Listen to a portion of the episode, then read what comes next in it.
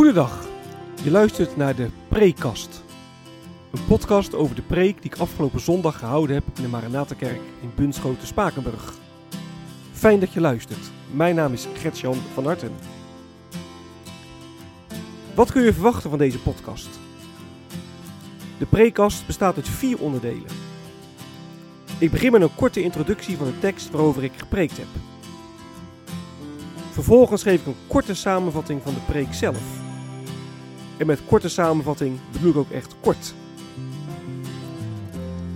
Tijdens mijn opleiding heb ik geleerd dat preken schrappen is. Niet alles wat je in de voorbereiding gevonden en bedacht hebt, kan terugkomen in de preek. Wat heb ik laten liggen wat het overdenken wellicht waard is? Daar wil ik het over hebben in het derde deel van de preekkast. En tenslotte sluit de preekkast af met een aantal verwerkingsvragen. Vragen die je kunnen helpen om de preek te overdenken en of toe te passen. Ik wens je veel luisterplezier.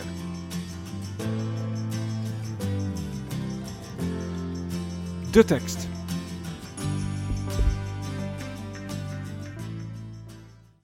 De preek ging over Prediker 12, vers 13. En we hebben gelezen Prediker 1, vers 1 tot 11 en Prediker 12, vers 9 tot en met 14. Die laatste verse, Prediker 12, vers 9 tot 14, die zal ik lezen. Er staat: Prediker was een wijs man en heeft het volk veel kennis bijgebracht. Hij heeft gewikt en gewogen en veel spreuken opgesteld. In treffende spreuken probeerde hij de waarheid getrouw onder woorden te brengen. De woorden van de wijze zijn zo scherp en puntig als een ossenprik. Al hun spreuken zijn ons door één herder ingeprent. En tot, slot, mijn zoon, nog deze waarschuwing. Er komt geen einde aan het aantal boeken dat geschreven wordt. En veel lezen mat het lichaam af. En dan komt de tekst, vers 13. Alles wat je hebt gehoord, komt hierop neer. Heb ontzag voor God en leef zijn geboden na. Dat geldt voor ieder mens. Want, zegt de slotvers dan, God oordeelt over elke daad, ook over de verborgen daden, zowel over de goede als de slechte. De preek.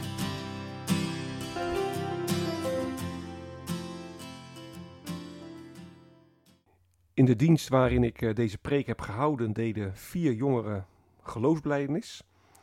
En het thema van de preek was even to the point. Even to the point. Prediker was een, eh, een hele wijze man die veel heeft nagedacht over de zin van het leven. Hij heeft er een heel boek aan gewijd, het boek Prediker. Maar Prediker die kwam er niet helemaal goed uit wat nou echt de zin van het leven is. En aan het einde van zijn boek trekt hij dan, een, trekt dan een conclusie, de tekstvers. Dan zegt hij, het komt erop neer dat je ontzag hebt voor God en dat je zijn geboden naleeft. Daar gaat het onderaan de streep om. We hebben op uh, beleidingscategorisatie het afgelopen seizoen heel veel ja, best wel lastige onderwerpen besproken. Bijvoorbeeld de leer van de drie-eenheid of ja, de leer van de uitverkiezing. We hebben het ook gehad over uh, verschillen tussen, verschillende, de verschillen tussen verschillende kerken. Als je beleidings doet, waarom doet hij in deze kerk, waarom doet hij in een andere kerk? En die besprekingen, die, die kunnen je soms een gevoel van ja, moedeloosheid opleveren. Hè? Er zijn zoveel verschillen. Wat moet je nu eigenlijk geloven? Hoe moet je bepaalde bijbelteksten nou zien? Hoe moet je nou aankijken tegen bepaalde dogma's? En ik, ja, dat kan echt een gevoel van moedeloosheid opleveren. En Prediker zegt in vers 12 ook, ja, je wordt moe van, van veel lezen. Als je alles maar blijft onderzoeken, ja, dat, dat mat je af. En dan zegt de tekst, maar als het nou echt to the point komt, ja, dan is het allemaal niet zo ingewikkeld. Het gaat er gewoon om dat je ontzag hebt voor God en dat je doet wat Hij van je vraagt. En ontzag voor God hebben, ja, dat, dat wil zeggen dat je gepaste eerbied hebt voor Hem. Dat je Hem erkent als ja, de heilige en ontzagwekkende koning van de hemel en de aarde. Ontzag voor God betekent dat je ja, onder de indruk bent van zijn macht. Als je kijkt naar de schepping, allemaal gemaakt door Hem. Nou, ontzag voor God hebben betekent ook dat je je eigen plek kent. God is groot, heilig en volmaakt. En jij, ja, jij bent klein. Je bent nietig. Je bent ook nog eens zondig. Nou, als je dat beseft, dan kun je alleen maar op je knieën gaan en vol ontzag, vol eerbied God aanbidden. Nou, prediker zegt, God wil ook dat wij zijn geboden naleven. En Gods geboden naleven, dat is meer dan ja, bepaalde regels naleven. Het gaat in het geloof helemaal niet om het uiterlijk gedrag alleen. Nee, het, naleven van Gods geboden gaat veel dieper. Het wil zeggen dat je God en je medemens lief hebt. Denk aan het dubbelgebod van de liefde, zoals Jezus erover spreekt in Matthäus 22. Als hij hem vragen wat nou het belangrijkste gebod, als de mensen aan Jezus vragen, wat nou het belangrijkste gebod, als Jezus dan zegt, dat gaat om dat je God lief hebt met heel je hart, met heel je ziel, met heel je verstand, met inzet van al je krachten. En het gaat erom dat je je medemens lief hebt als jezelf. En zo legt de wet van God ja, beslag op je, op je hart. En God wil echt dat je met heel je hart vanuit en in liefde leeft. Nou, daar zijn we ook voor geschapen. En alleen op die manier kunnen we dan als mensen ook echt ja, tot ons recht komen. Want als we leven in en vanuit liefde, dan, dan leven we echt in, in verbinding met God en in verbinding met elkaar. En dan moet ik zeggen dat ik dat echt wel ja, oprecht mooi vind, hè? dat leven uit liefde. En ik wil dat ook best wel graag. Maar tegelijk, als ik eerlijk ben, merk ik dat het me ook heel vaak niet, ja, niet lukt. En dan is het best wel even slikken. vers 14 zegt dat God over al onze daden oordeelt. Nou, je zou er bang voor worden. Want heel veel daden van mij zijn niet goed. En ik zeg wel dat ik echt mensen wel lief heb, ik wil het ook. Maar ik kan me vreselijk erger aan mensen. Mensen die in irritatiezone zitten. Ik kan ja, verkeerde gedachten hebben over iemand. In plaats ik het goede voor de ander zoek, zoek ik heel vaak ja, het goede voor mezelf. Ook als dat ten koste gaat van een ander. Dus nogmaals, je zou ja, er bang van worden als je dan leest dat God over onze daden oordeelt. Maar ik zeg heel bewust, je zou er bang voor worden. Namelijk als je Jezus Christus niet kent. De Bijbel leert ons dat Jezus door God naar deze wereld is gestuurd. Ja, om in onze plaats, om namens ons, Gods geboden na te leven. En Jezus kwam naar de aarde om ja, mijn zonde weg te dragen aan het kruis op Golgotha. Zodat ik een kind van God kan zijn. En daar had God echt alles voor over, dat wij kinderen van God, van Hem zouden worden. Ja, zelfs het leven van zijn eigen zoon. En als je in Jezus, in zijn werk, in zijn lijden, in zijn sterven, in zijn opstanding, Gods liefde en Gods genade ziet, ja, dan kun je ook echt vol vertrouwen en geloof aan God overgeven. dankzij Jezus ben je vrij van schuld. Je krijgt een nieuw leven. De geest die wil met je aan de slag. En de geest wil je denken en doen en je verlangens ja, veranderen. En dan kun je heel veel vragen hebben over het geloof. Dan kun je heel veel vragen hebben over de Bijbel. Er kunnen heel veel dingen zijn die je moeilijk vindt, die je niet snapt. Dat je denkt, hoe zit dat nou? Wat moet ik er nou mee? Maar dan kun je tegelijk ook genieten van Gods goedheid. Nou, zie zo in de liefde, zie zo in Jezus de liefde van God. En dan kun je ontzag krijgen van God. En dan ga je meer en meer naar zijn geboden leven. Nou, dat geldt voor ieder mens, zegt de tekst. Dus dan mag ook jij ja, je vol geloof en vol vertrouwen aan overgeven. Wat is blijven liggen?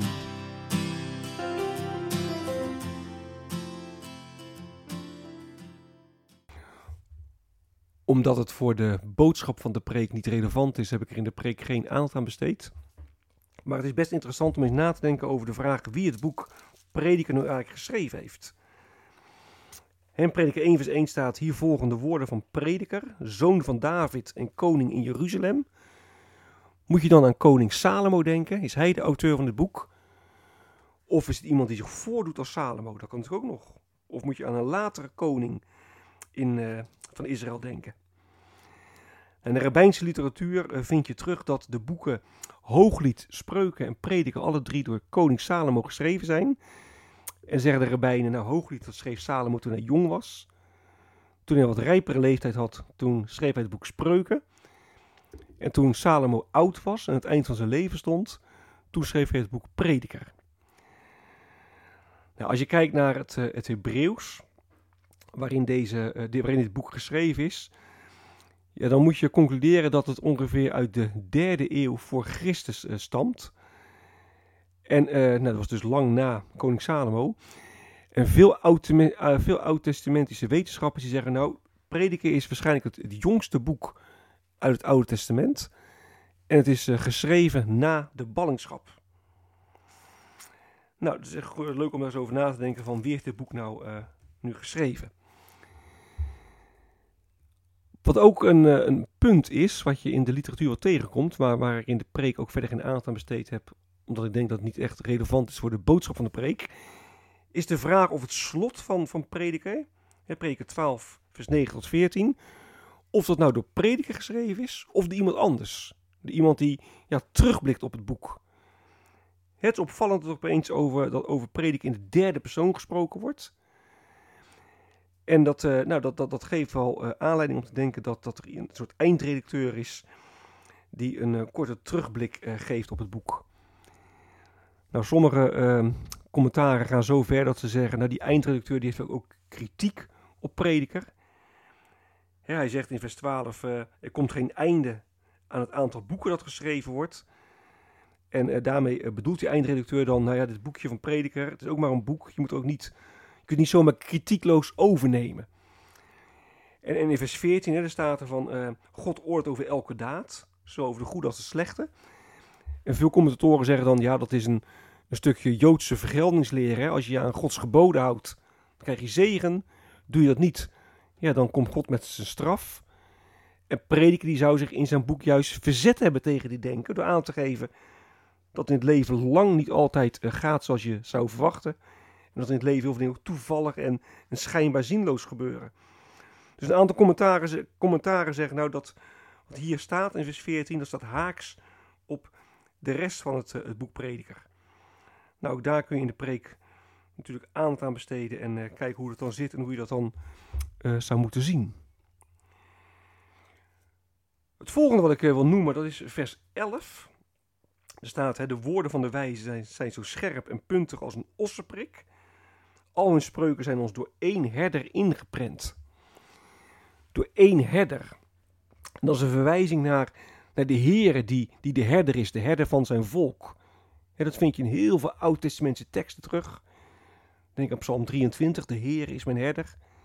Maar ik kan ook denken aan Psalm 80, Psalm 95, Ezekiel 34, uh, Jezaja 40 de Heere is de herder van zijn volk. En vers 11 zegt, nou, de, de spreuken zijn ons door één herder ingeprent. Predik heeft me niet zijn eigen gedachten op papier gezet. Ja, natuurlijk waren wel zijn gedachten, maar uiteindelijk sprak hij namens de Heere en waren het uh, goddelijke woorden. Verwerkingsvragen.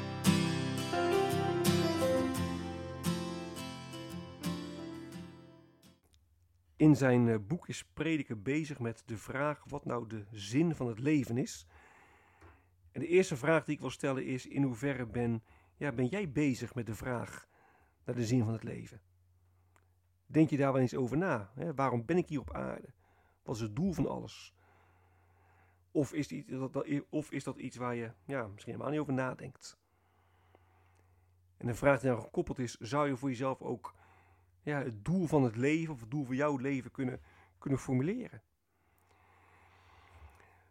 De volgende vraag is hè, dat de tekst zegt: alles wat je gehoord hebt komt hierop neer. Heb ontzag voor God.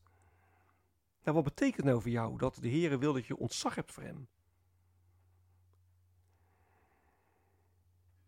De volgende vraag die ik wil stellen is: in hoeverre vind jij geloven moeilijk? En kun je dan iets met de conclusie die prediker in de tekst uh, trekt. Het prediken laat zien, het leven is heel ingewikkeld, veel vragen, maar hè, to the point komen, het gaat erom, je moet ontzag hebben voor God, zijn geboden naleven. Nou, kun jij iets met die conclusie? En de laatste vraag heeft te maken met uh, het punt van uh, het je houden aan Gods geboden. Hè. Ik heb in de preek gezegd, dat is maar niet het, het, het, het, naleven van bepaalde regels. Het gaat echt om het leven in en ja, vanuit liefde. En in hoeverre ja, doe je dat? Leef je echt vanuit en in liefde? En, en, en afhankelijk van het antwoord, welke consequenties vermind je eraan? Als je bijvoorbeeld merkt dat je dat niet doet, nou wat kun je dan veranderen? Of als je merkt dat je het misschien wel doet, nou wat, wat concludeer je daar dan uit? Welke consequenties verbind je eraan? Dit is het einde van de prekast. Mocht je vragen of opmerkingen hebben, dan kun je me mailen op mailadres van hartengretjan.gmail.com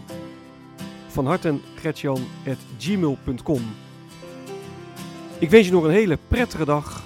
Hartelijk dank voor het luisteren. En wie weet tot een volgende keer.